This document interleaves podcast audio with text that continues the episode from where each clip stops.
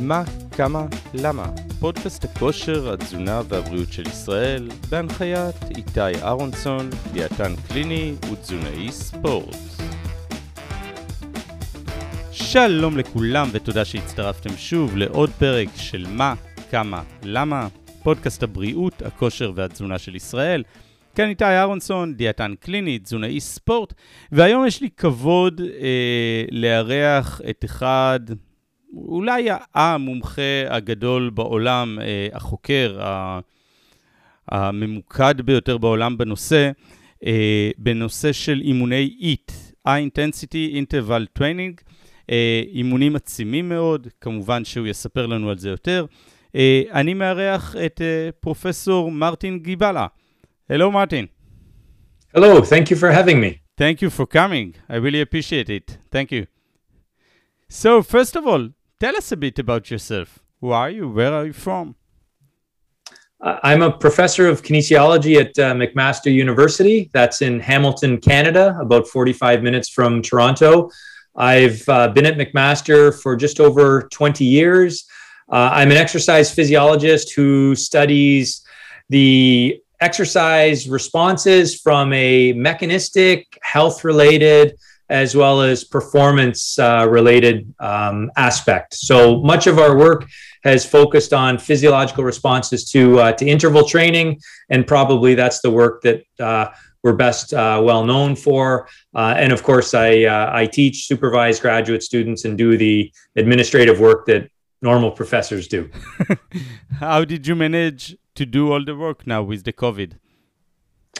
We've been severely impacted for the last year or so. Um, been in shutdown quite a bit, so that so the human work has been almost shut down for a year. Uh, the other laboratory work has uh, has continued, uh, and so like a lot of uh, people, we've we've shifted to a lot of writing, uh, grant writing, manuscript writing, and of course, most teaching has has gone online. So uh, we we filled our time with other things, but uh, recently learned we should be able to get back into the laboratory quite soon. And so certainly, my students are are very anxious to do that. I can understand them. So your biggest expertise and field of research is the HIIT, the high intensity interval training. How did you get to do it? You know, why? uh, so, one of the courses that I have taught now for 20 years is called the Integrative Physiology of Human Performance. And the students in the course are always very interested in the training regimes of high level elite athletes. And so I would ask the students, why do these elite endurance athletes who have very high aerobic capacities why do they train with these short, very hard repeats? And so, how does uh, sprinting or performing at a very high pace, anaerobic training, some people call that, why, why does it benefit aerobic performance? And so, it was a way to introduce the students to the underlying biochemistry, physiology involved. But if I could frame it through a performance prism, that resonated for for many of them. And so I, I definitely had a, a, professional interest. And so at the time, I was also uh, a young assistant professor. I had a working spouse and two young children. And so uh, quite ironically, for a professor of exercise physiology, I found myself with little time to exercise. And so I was reading about this work for my courses and I thought I would try it myself. Uh, and I found interval training to be quite effective to help maintain my fitness. So the professional interest dovetailed with the personal, and that's led to a line of work that spanned two decades now. One coincidence got you for a lifetime. So, exactly. I think, yes. So uh, w- when we talk about interval training, we, we can put uh, under this umbrella so many workouts, you know, because when you train at the gym, you can say, oh, this is an interval workout because I'm doing one set, a rest, and then another set and rest. Uh, this is one. When you train to the marathon, you can do uh, interval trainings of, let's say, two kilometers, three kilometers, and then a period of rest or uh, cool down. And of course, uh, most of the things that you um, research, like the one minute uh, workout 20 second 20 second and 20 second. So there are so many things of interval training. Can you um, help me understand the what are the differences between everything? Yeah it's it's an important question. To me interval training can be very simply defined as just alternating periods of higher intensity effort with periods of recovery. Now, that's a very insufficient definition for, for many individuals, but I think any type of interval training can fall under that broad umbrella. Within that, we have two broad categories aerobic style interval training and resistance style interval training. Much of the research have focused on the aerobic side. And within that, I like to think of green, yellow, and red intensity zones. So the green would be just light intermittent interval training where the intensities are actually quite low. So you could think of interval walking. And so this is a type of interval training that older individuals or people with uh, cardiovascular disease and type 2 diabetes, just gradual interval walking. But the yellow zone them, the, but maybe for them it would be uh, intense for yeah, those people. absolutely. And and and so you know, w- within any of the zones we would talk about, uh, the intensities can be scaled to starting fitness. But you know, even I'll use uh, myself then as an example. If I go out for a walk this evening with the dog and I pick up the pace for a few light posts and then I back it off to a stroll, I'm not coming anywhere close to my maximum capacity. But that's a, an example of an, a light and moderate interval training session uh, for uh, for me. But you know, it it addresses the question, uh, and we're already going off on a tangent. But you know, how can old people do interval training, or how can a cardiac patient do interval training? Well, if they're just starting out, that's the way to just uh, uh, get into it. Is this light to moderate intermittent uh, exercise? Um, high intensity interval training, which of course many people associate with the entire field, that is increasingly defined as relatively intense but submaximal efforts. And so you could imagine the generally the threshold is an intensity that elicits 80% of maximal heart rate. But of course, it's not sprinting at all out pace or sprinting to save your child from an oncoming car. But that's a very broad intensity range. And most of the research is focused on that type of training. And then the red zone would be these very short, very intense efforts. Uh, you alluded to it 20 seconds, all out sprinting as hard as you can go uh, pace. And so that's on the aerobic side. I think it's better defined on the aerobic side, but you can imagine a similar green, yellow, red um, classification scheme on the resistance training side, where very light calisthenics would be the green, and then at the top would be these extreme workout programs that demand all out uh, efforts to failure. I see. Okay, thank you. So, what is it good for? so, what, again, what, it depends. Uh, yeah, I, I, will start. You know, what is the most interest, interesting? And you have a whole book that I really recommend everyone to read the one minute uh, workout. Um, this is the maximum that I will do. Stop. Uh, just kidding. Um, when I try to save time and I want to do some high intensity interval training, so first of all, how can I do it uh, on the resistance uh, side? And how can I do it aerobic? And what are the benefits of it? And can it can I um, is it is it as good as other workouts? So let, let's start with the aerobic side. That's where most of the research is, and that's where most of our research has has focused. And the, there's two ways to look at it. One is I think interval training can certainly be a relatively time efficient way to train, and that seems to resonate with a lot of people. Uh, those who are busy, time pressed, they want to just be able to work out for the shortest time possible, or on a particular day, they don't have an hour to fit in their their workout.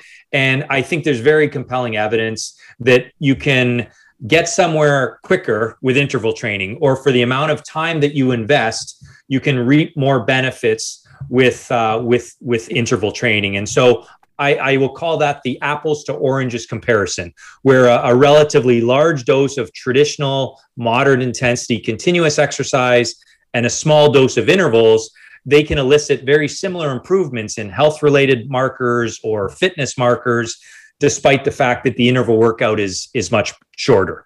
Um, the other comparison there is the apples to apples comparison, where you have a high volume of traditional endurance training and a high volume of intervals. And I think there, there's good evidence to suggest that interval training will yield superior benefits. So the improvement in fitness or performance markers is better. And indeed, that's why almost any serious endurance athlete incorporates interval training into their program because they know it's it's effective. Um, you know, if we're talking about everyday people, uh, they may choose one or the other. You know, many individuals who are interested in just health and fitness, uh, they they are looking for that time uh, efficiency.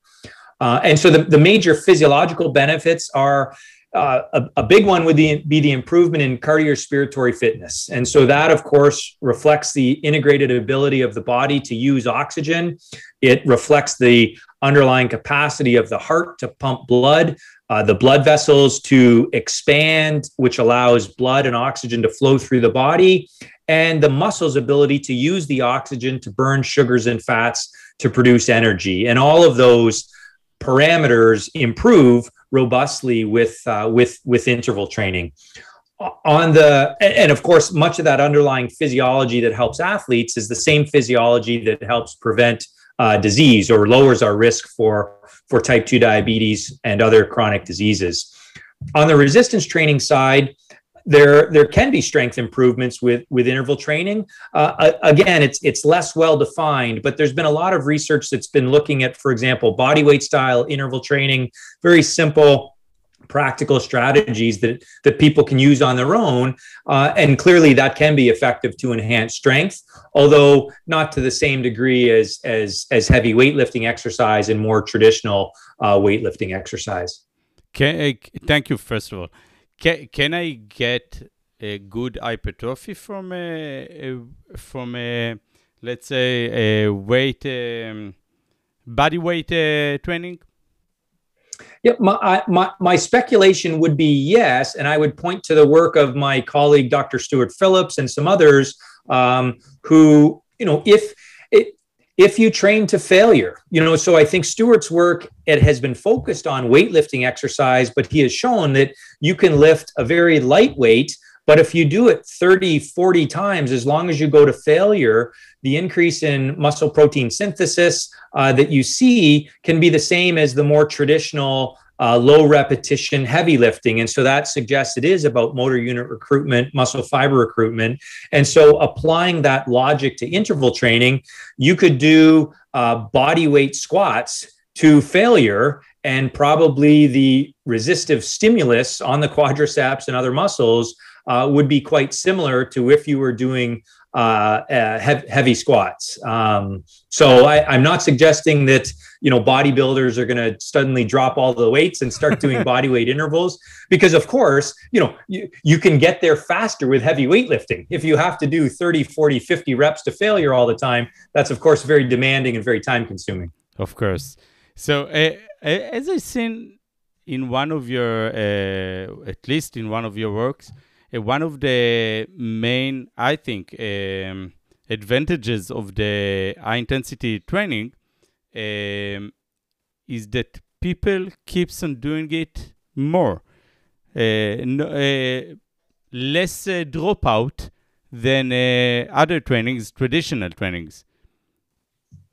I, have learned to be careful here, uh, and I, I, think right now you could pick and choose. The, so wherever you are on that spectrum, and so this is where the exercise behavior people are really key. And actually, there's some very vicious fights between those. Uh, not uh, you know, I'm speaking uh, figuratively, not literally, uh, but uh, there are very polarized opinions on whether interval training could be a viable public health strategy. Some people think uh, individuals will never do vigorous exercise if it's above lactate threshold, if it's uncomfortable exercise. uh, people are unwilling to do it.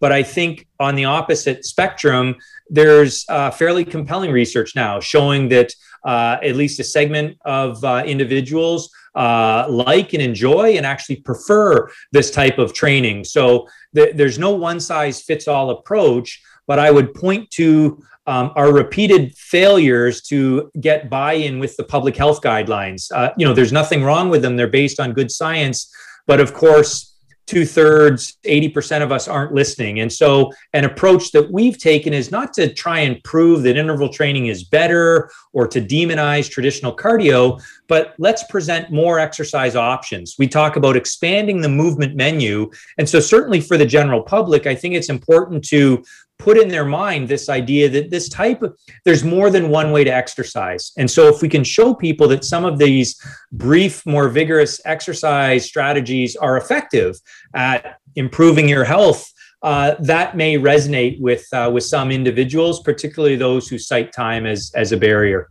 I see. So why can't we find any recommendations of the WHO, ISSN for the general public with an option to do ETA training?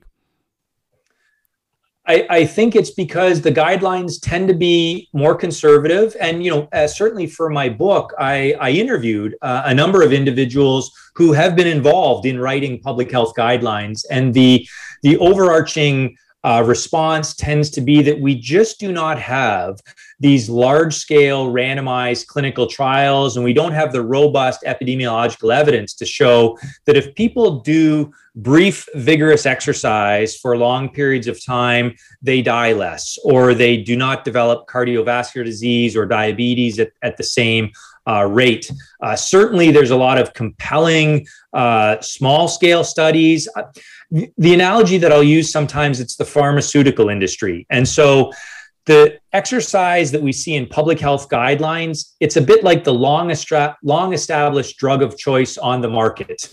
Uh, and interval training, it's, it's like the new drug on the market. It's showing a lot of promise in early phase trials, but we just don't have that robust evidence. But we're starting to get it. And you're starting to see these large scale clinical trials that even have mortality as an outcome. And so I think you're going to see more and more of those types of studies um, that, that you may eventually see uh, an interval training recommendation or suggestion in the guidelines. Arguably, the UK opened the door a little bit in their guidelines, making a point uh, uh, to acknowledge higher intensity uh, exercise. Uh, and the other is that it, how do you count the time, right? So if, if you do a workout that's 20 minutes in duration, 10 one minute hard repeats and 10 minutes of just sitting around recovery, does that count as 10 minutes or is that 20 minutes? Uh, I, I, think you would count the entire period that you were engaged in the activity. And the analogy there is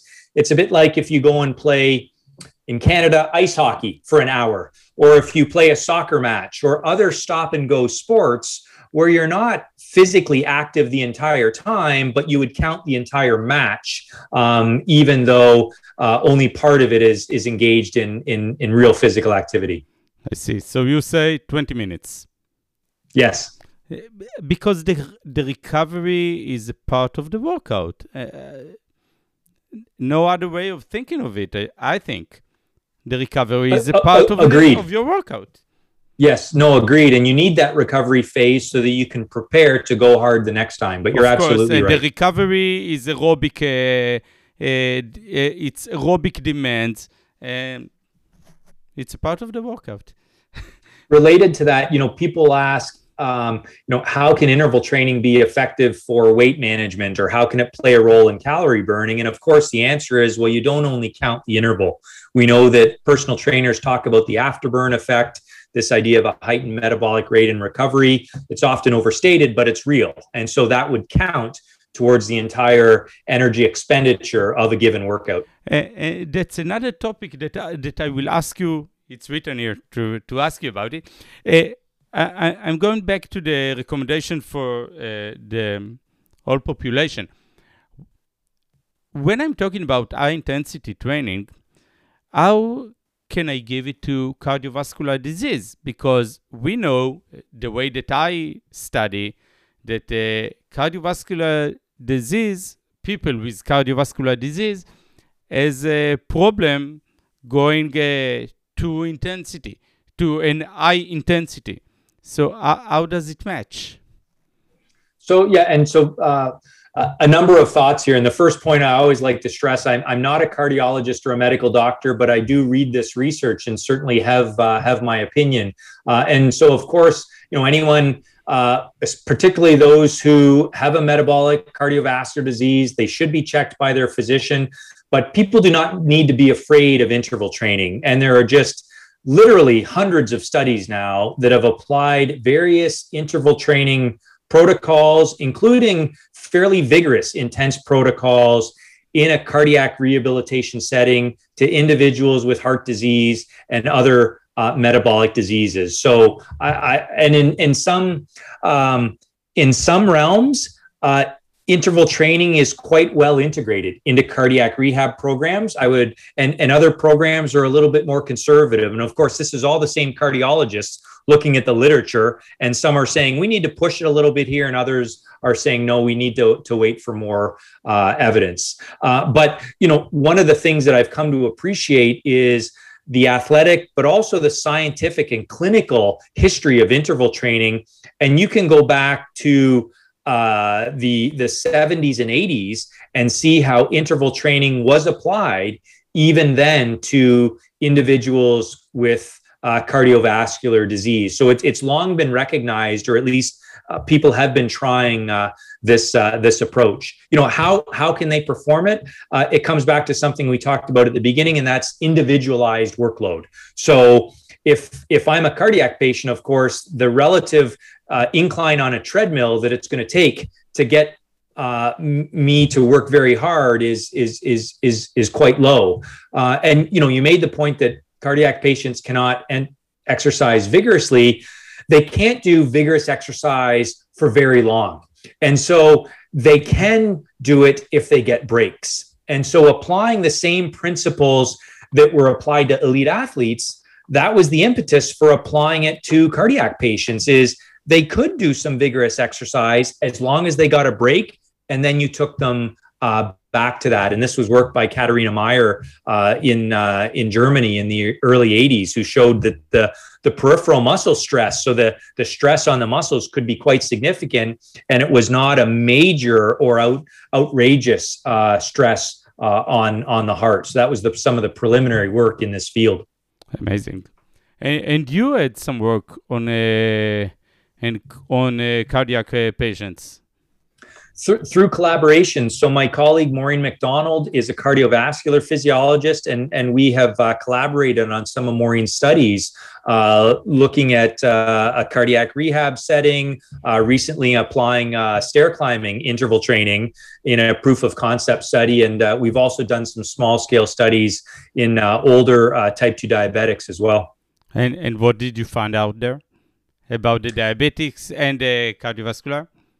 In, in the in the diet, it was one to my mind one of the earliest studies applying uh, vigorous interval training to uh, older type two diabetics. Uh, we found that even two weeks of interval training, so that's only six sessions of interval training over two weeks, uh, enhanced their uh, exercise capacity and it markedly lowered uh, their their blood sugar levels. So there was a very pronounced effect. We also included biopsies in that study and were able to, to show measurable changes in muscle glucose transporters, which of course are responsible for, for taking up the blood sugar. And I, I think there's been subsequent, well, there's definitely been subsequent work uh, that has uh, continued uh, that, uh, that line of research. Um, and in the cardiovascular patients, uh, similar effects in that some of Maureen's studies have shown that um, the improvements you see with 12 weeks of brief, vigorous interval training are quite similar to the changes you see with traditional continuous exercise as routinely recommended for cardiac patients, even though the interval training took much less time. So I want to say it was a, a 20 minute interval session versus a 50 minute continuous exercise.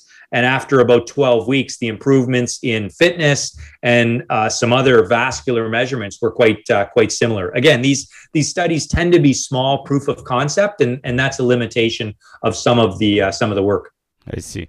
Amazing. Now, I have another question uh, about the diabetes that you just talked about. I what is the explanation uh, for the um, the increase of the uh, glucose transporters to the muscle? Well, certainly we know I, that. I, I, want to test myself. I I have an uh, hypothesis. I want to see if I'm. oh, okay. Well, if you want, how about how about you explain it to me, and then I will uh, I, I try, will try. and I will check try. as best I can. I, I guess that when you do the high intensity training, you your muscle use more the anaerobic um, the the anaerobic uh, pathway, and they need uh, much more glucose and not uh, only um, uh, fat. So if they need more glucose, maybe because of that, we got more GLUTs. Yeah, I, I, I would say partly correct. Uh, ah, and, damn. and what I mean by that is, you know, we throw around this term anaerobic training, but in fact, uh, uh, you know, when we do repeated, even very intense exercise, um, more than 50% of the energy is coming from aerobic. And, and so it's actually quite, that's one of the things that always surprises my students the most when we look at the energy distribution with repeated sprints.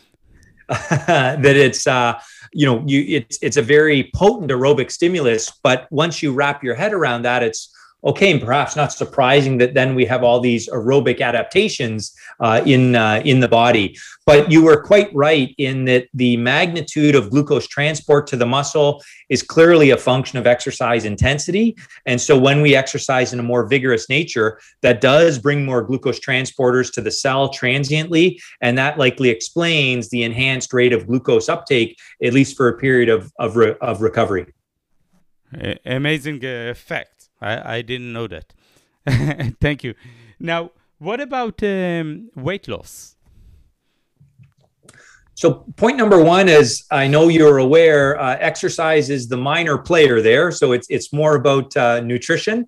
Uh, but clearly, interval exercise can uh, promote uh, energy expenditure. And there's definitely evidence to show that it can be a time efficient way to burn calories. So, for example, we've done a study looking at energy expenditure, calorie burning over 24 hours in response to a 20 minute session of intervals and a 50 minute session of more continuous moderate exercise.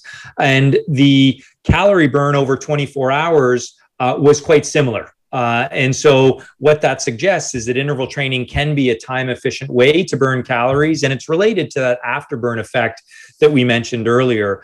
But I, I will say it's it's it's often overstated, and so people will make the case that interval training is just this magic way to burn calories and shed body fat and I just don't think the evidence is is there. Uh, there are now a number of systematic reviews and meta analyses that basically conclude that just what I said. Interval training, it can be a time efficient way to burn calories, but we shouldn't overstate it. And exercise is the minor player there. I agree about the exercise, but I have another question. Another question of this uh, research. Uh, the I, I, guess that the research was on a bike or run. Uh, they did it. The the distance that they covered was the same, different? You know, to, you know to tell me. Um, the studies uh, tend to have they're, they're, different. So it's that apples to oranges comparison that I mentioned earlier. Uh, and if you were because otherwise some studies will try and equate energy expenditure, uh, and of course there then the the weight loss at least based on if the energy expenditure during the bout is the same. If you were to get a heightened metabolic rate and recovery after the intervals, you, you could make a case there. Uh, and so I, I think probably these well controlled, again, as I know you're aware, you know, to do these studies, you get criticized either way because either you control everything, including all of the nutrition, and then people say, but that doesn't reflect real life. but if you do real life, well, people's appetite may changes and may change, and and so then it's not necessarily a scientific controlled study. So you know, the nutrition exercise intervention area is fraught, as you know. of course. Now, I I always tell my students that you can do uh, high intensity. You can do it, but if you have, let's say, one hour to train, sorry if you have one hour because nobody comes to the gym and says, "Oh, I have eight kilometers to run." No, I have one hour to to train. Now, if you want to do the eat, do it for 20 minutes, and then I don't care. Maybe just walk at low intensity and earn some more calories, some more distance that you covered, and more calories, and then you you will um, you will earn from everything. Yeah, I, I think that's a, a, fair point. And the other aspect with interval training is the infinite variety. So I'm often asked, you know, what's the best interval training program? And for the vast majority of people, it probably doesn't matter. And and and mixing it up and varying the intensity and the durations of the intervals and the recovery periods, uh, that promotes variety. And so that may help with motivation over the long term. Of course, if you're an elite athlete, uh, you know, coaches are going to be much more mindful of the precise interval training protocols that might be relevant. But for most of us, it, it probably doesn't matter. Uh, I agree.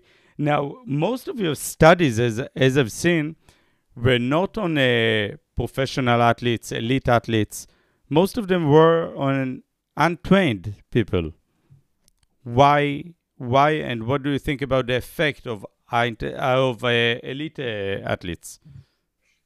You're right, and and so many of it, you know, where where this research started was really about these basic physiological questions and looking at physiological mechanisms. And so often in those studies, we will recruit. You'll see the term recreationally active or people who are used to physical activity, but they're not highly trained individuals. Uh, and so, you know, many of them are, are college age men and women to, to start. But as I've mentioned, some of our work as we've gotten more interested in the health related responses. Uh, we've studied some older individuals, individuals with type 2 diabetes. Uh, the, we have done very little work with high level athletes, but there are uh, laboratories that that do do some research with with uh, you know I, I'm careful to use the term elite, but for example, there was a recent study that looked at truly elite uh, cyclists, and they were comparing high intensity interval training versus a sprint interval training protocol. Because as we've talked about, many athletes already do HIIT as part of their workout. And they were asking the question well, can these elite endurance cyclists? Can they further improve their performance through very short, hard sprints?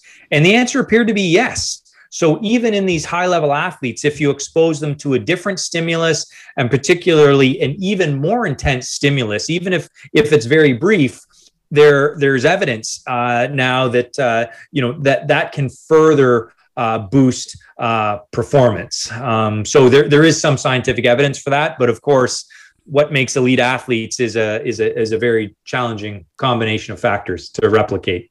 Of course, thank you. Now, tell us a bit about your uh, one minute workout first of all about your studies, and then I will ask you, of course, about your book because I think it's important for people to know it. So, a an interest of ours has been the question of how low can you go? You know, not not how much exercise should you do, but we would often face the question, well, how little can I do and get away with it? And so, what that question means is can I do brief, vigorous exercise and can we see meaningful improvements in fitness or other health related indices or, or physiological markers? And when we started this research, we would often use a, a 30 second Wingate test. You know, it's a test, obviously, uh, that many, I'm sure your listeners would be familiar with, but it's a 30 second all out test wait four or five minutes of recovery and repeat that a couple of times. And so it was rightly pointed out that it's like well, going to well.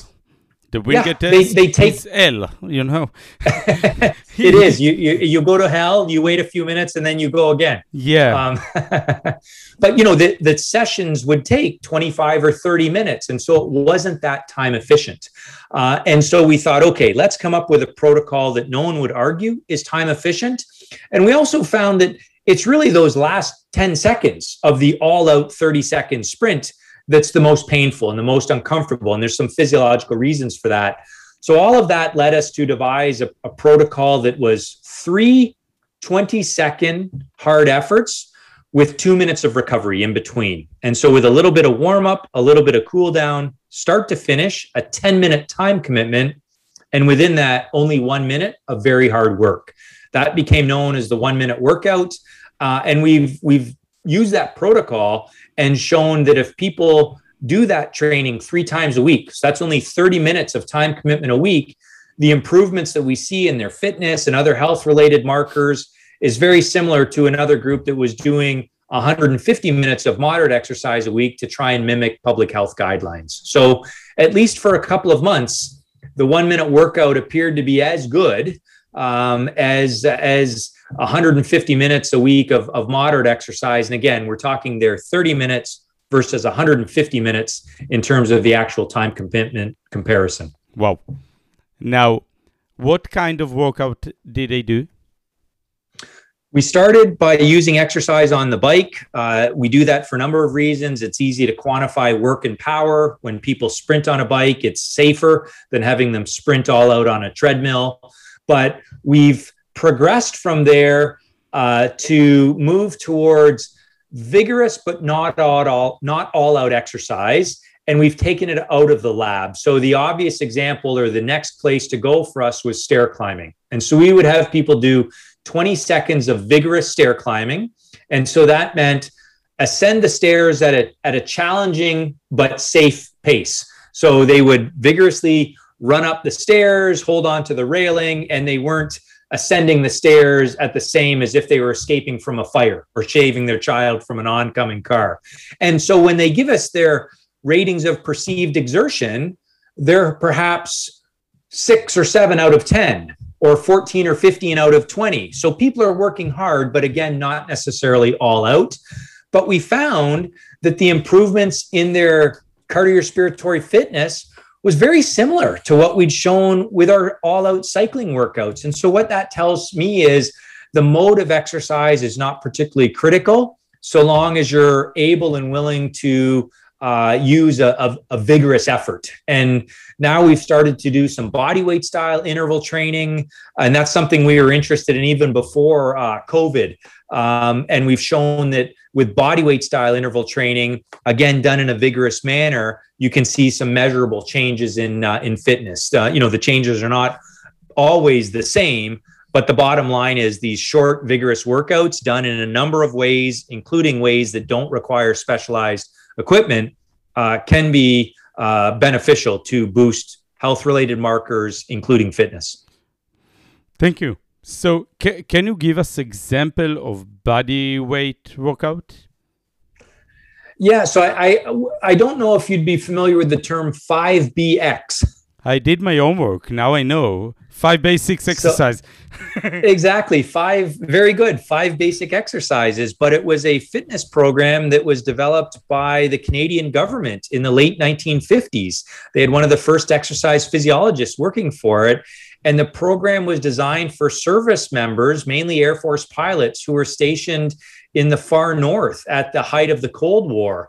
And so these individuals were in, in very frigid bases um, without much specialized equipment at all. And so it was a bodyweight style workout routine that was developed uh, originally for those service members and eventually spread uh, beyond the military. And over 20 million pamphlets were distributed to, to Canadian households. But it was simply calisthenics uh, exercises. So lunges, air squats, burpees, uh, vigorous running in place, these simple body weight exercises that could be used. And so in our recent study, we basically took a, a, a, modern look at that, if you will. Some of the original five basic exercise workouts involved floor based sit ups and some things that we wouldn't recommend now. Uh, but we basically did a, a program that was five one minute body weight workouts uh, with a minute of recovery in between and some jumping jacks to warm up. So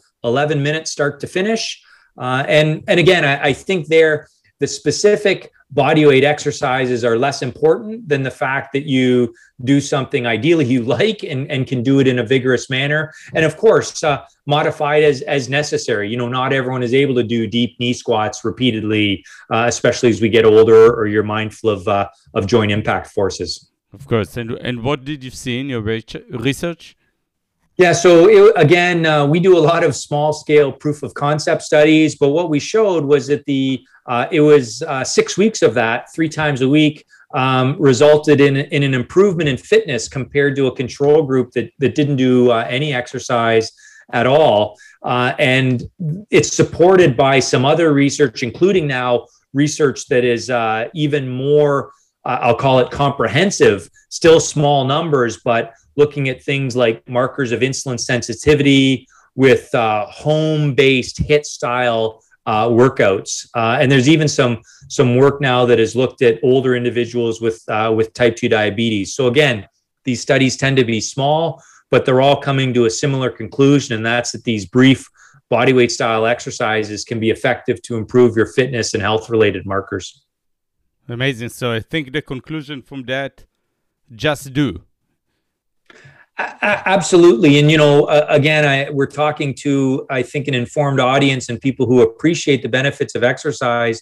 But getting back to the general public many people feel if you don't have 45 minutes or one hour in your day it, it's not worth it. And it, and it, one it's so daunting for people.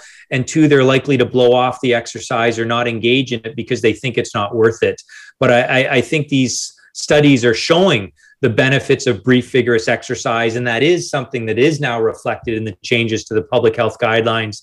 And for example the removal of the the one the sorry the 10 minute minimum bout duration uh, partly in recognition of this idea that even shorter exercise bouts can be beneficial. Great. Uh, I, I used to recommend for my uh, clients for my patients when i want them to to do some workout. And they tell me listen Itai, i'm not going to to the gym and i will not go for a walk. I don't have any time. So i i, I used to suggest the seven minute workout. I tell them listen there's on the youtube just go watch it and enjoy and do it. What do you think about this workout? I think it it it builds on themes or it's modeled on themes that we've talked about. So I, I, I first of all, I think it's great that many of these um, protocols are available freely to people that they can go and find on, on their own. Uh, and so I think it can be beneficial. You know, something that we've looked at recently is this idea of exercise snacks. You know, we did not coin that term, but exercise snacking is just this idea of, you know, a spontaneous 20 or 30 second uh, physical activity movement. You know you you literally as we're talking here doing this interview we could get up from our desk and do a series of air squats. And you do that repeatedly uh, throughout the day.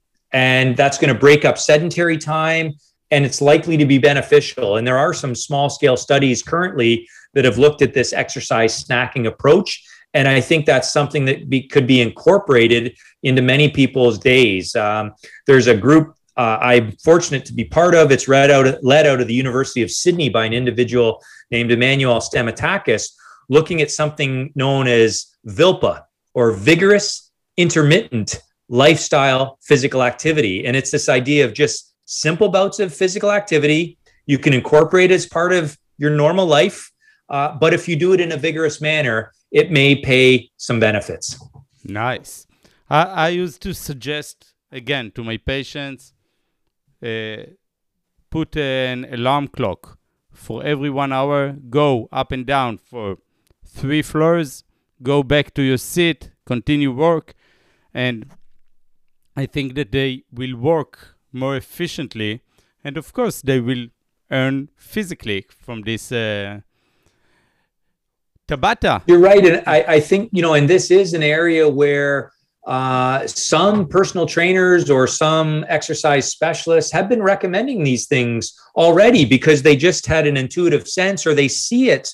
They have such good practical skills. They're like, I suspect this will work. But I think it's nice for those individuals to now be able to have to point to some science and say, see, the studies now are supporting what I've been telling you. And you know, it's a bit like much of what we learn uh, the the exercise scientists play catch up to the athletes because the athletes were already doing what works, and we just come along and verify that it worked, and we can explain why now. I, I think that the best area to to show it is the bodybuilding. By the way, they do what what they know is good, and then the scientist, oh, it it really is good. yes, absolutely. You know, getting up in your sleep to uh, to to have some protein through the night, maybe that is a little beneficial for you. Yes, ah. exactly. Or you can do like uh, uh, Professor Luc Van Loon did it in his research with nasogastric. Exactly. Yeah, he told he told me about it uh, in our p- earlier podcast. Now, what about uh, Tabata? Is another kind of eat very, very intensive it. What do you think uh, about it? Yeah, agreed. No, uh, very effective. And you know, the more I've uh, the more I'm in this area, I mentioned this previously, the more I really do appreciate the scientific, the athletic history of interval training. And, you know, sometimes I might get introduced as the guru of interval training, and I'm not at all. I'm just currently the, you know, uh, one of the voices advocating for it. And if you look back through history, it sort of comes in and out of flavor. Uh, and of course, at the turn of the century, the Flying Finns were dominating middle distance racing using interval training. Um, I've mentioned some of these studies in the 70s and 80s. And uh, Tabata's work in 1996 was again a real wake up call or a reminder of the potency of interval training, but with a unique twist. You know, these very short, very vigorous workouts, uh, because Professor Tabata had had recognized the value of this uh, exercise protocol in uh, in some of the high level athletes he was working with, and and thought he would apply it to other individuals. And now, of course, Tabatas are all over. It's interesting, though, that many of us associate Tabatas with body weight style interval training and that. And the original Tabatas were, of course, performed on, on a bicycle. Yeah, it's only a four minute uh, uh, training 20 seconds and 10 rest. Correct, and and so you know our our uh, our one minute workout in some respects is an easier Tabata. You have yeah. to do fewer of them, and you get more recovery. So I I, I think that um, you know Tabata uh, is a little tougher and maybe the one minute workout is more translatable for many people or they might be more willing to do it but no doubt tabatas are effective. Tabata uh, your your one minute is not tabata it's, it's only ta. Yes correct. Now many classes we see now in these days if we put the covid uh, outside but uh, we see it training for 40, 45, 50 minutes in the gym, Tabata training for 50 minutes. How, is it effective this long if we do it so intensive? I, I, I, I personally, I don't think that you can do as intensive as the as Tabata meant it to be for so long. You know, I, I would agree. Uh, and so, you know, point number one, it really depends on the type of, of intervals. You know, you could do four to five minute intervals at 85 or 90% repeatedly for an hour, and many high level athletes do that. But uh, I think very few individuals could maintain Tabatas for more than 15 or, or, or 20 minutes. Or otherwise, as you say, they are self selecting a lower relative intensity. You know, we saw this, some of the original Wingate studies would have people do 10 Wingates in a single training oh session. God. And I think what happens is very quickly the participants learn to pace themselves. Uh, they're they're not giving all out efforts in those initial Wingates, uh, and so uh, you know, with the more intense interval training, it's a very high quality of training, which means you have to do very little of it.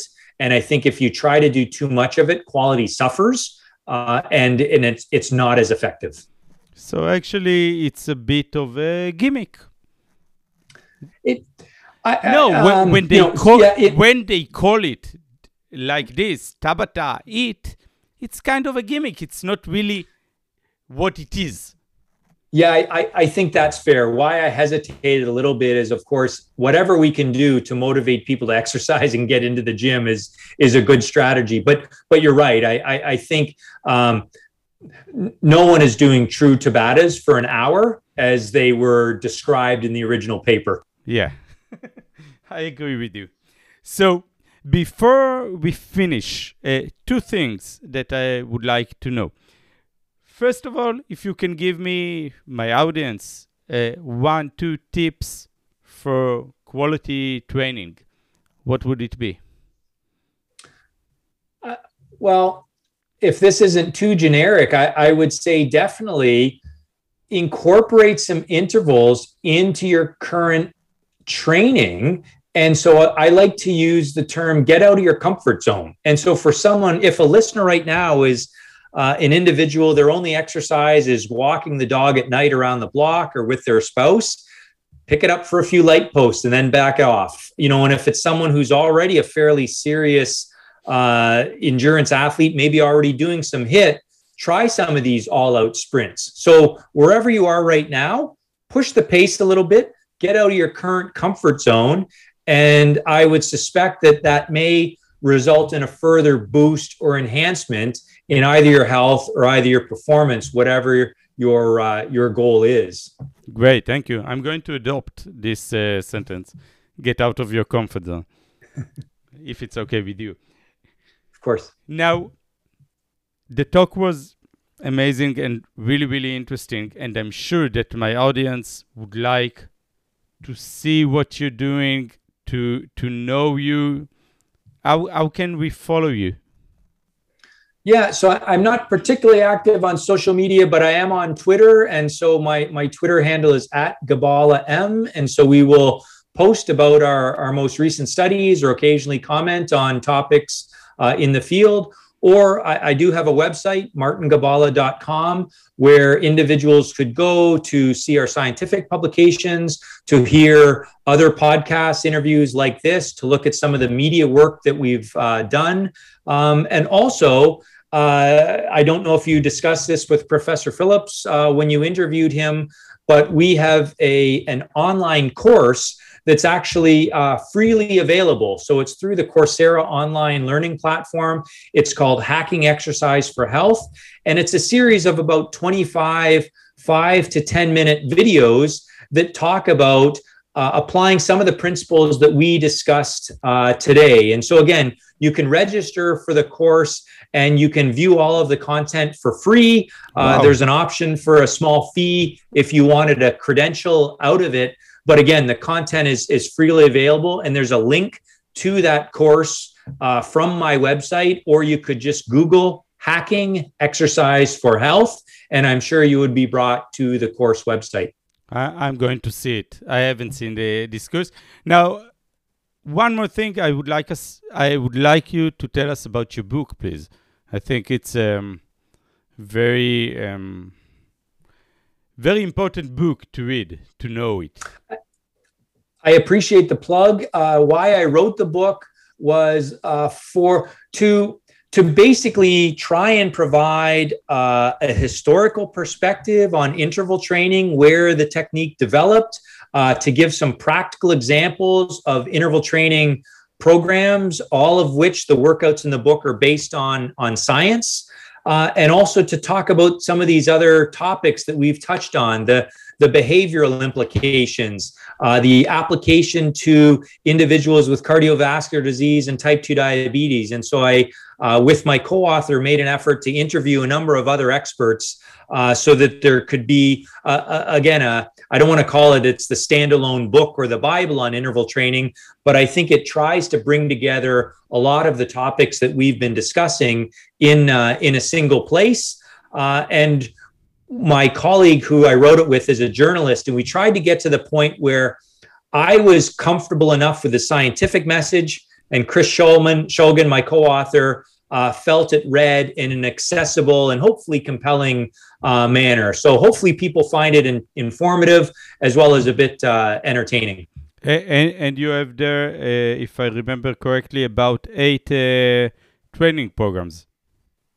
Yes, correct. So there's uh, eight uh, sample workouts and and a couple of what we call micro workouts as well that build on Tabatas and uh, some of these other programs we've been talking about. And I can tell my audience you can find it easily on Amazon. It's there. I just checked it checked it once again. All major booksellers, yes, mm. published by Penguin Random House and uh, Amazon and many others. And there's also an audiobook format available as well. Oh, great. So, Martin, where where you see the science of uh, um, of the HIIT in 10, 20 years, where where are you going to, to go? Yeah, so for sure is the these larger, longer, and more diverse studies. And when I say diverse, um, you know, across many different uh, populations uh, and, and different uh, individuals. There is some evidence, uh, including some from our own lab, that um, males and females may respond a little bit differently to, to interval training. And I think that fits uh, with some other work. You know, big message is that anyone can benefit or you know uh, males and females can both benefit from interval training uh, but there may be some subtle differences differences that it, it would be uh, interesting to to try and tease out whether those are are real biological differences or they're just the normal inter-individual variation that we always see in uh, in science.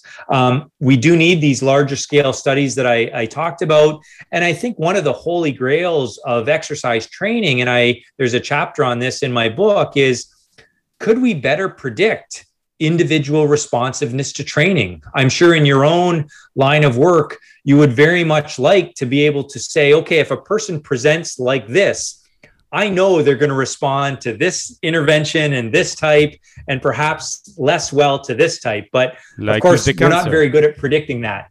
Like, uh, so there, yes, like, like with the cancer that now we know. Exactly. You know, and, and and I use this analogy in my book. It's not totally far fetched, but it's not the same. Of if you're unfortunate to be diagnosed with cancer, one of the first things that will happen the oncologist will biopsy the tumor and say, okay, if a cancer looks like this, we know this chemotherapy approach or this radiation approach uh, gives you the best chances of, of doing well.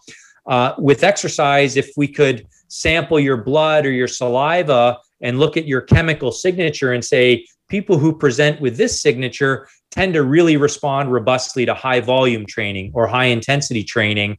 Uh, that would be nice. Uh, until we get to that point, I like to think of it, it's a bit like investing. You know, you can pick a single stock and do really well, but for most of us, you know, spreading out the risk and buying, diversifying our portfolio is, is probably the best over the long run, even though it, it might be a little more boring than trying to pick that, that winning stock. Yeah. Marty, I, I want to thank you so much for this talk. It was very interesting. I learned a lot from this talk, and I really appreciate the fact that you gave me from your knowledge and your time for doing it. Thank you so, so, so much. Yeah, thanks so much for your interest in our work, and I hope the conversation is uh, instructive to your listeners. Uh, I'm sure it is, and I'm waiting to see you in Israel, of course. ולכל המאזינים, תודה שהייתם איתנו. Uh, אני משוכנע ש... למדתם גם אתם לא מעט מהשיחה הזאת.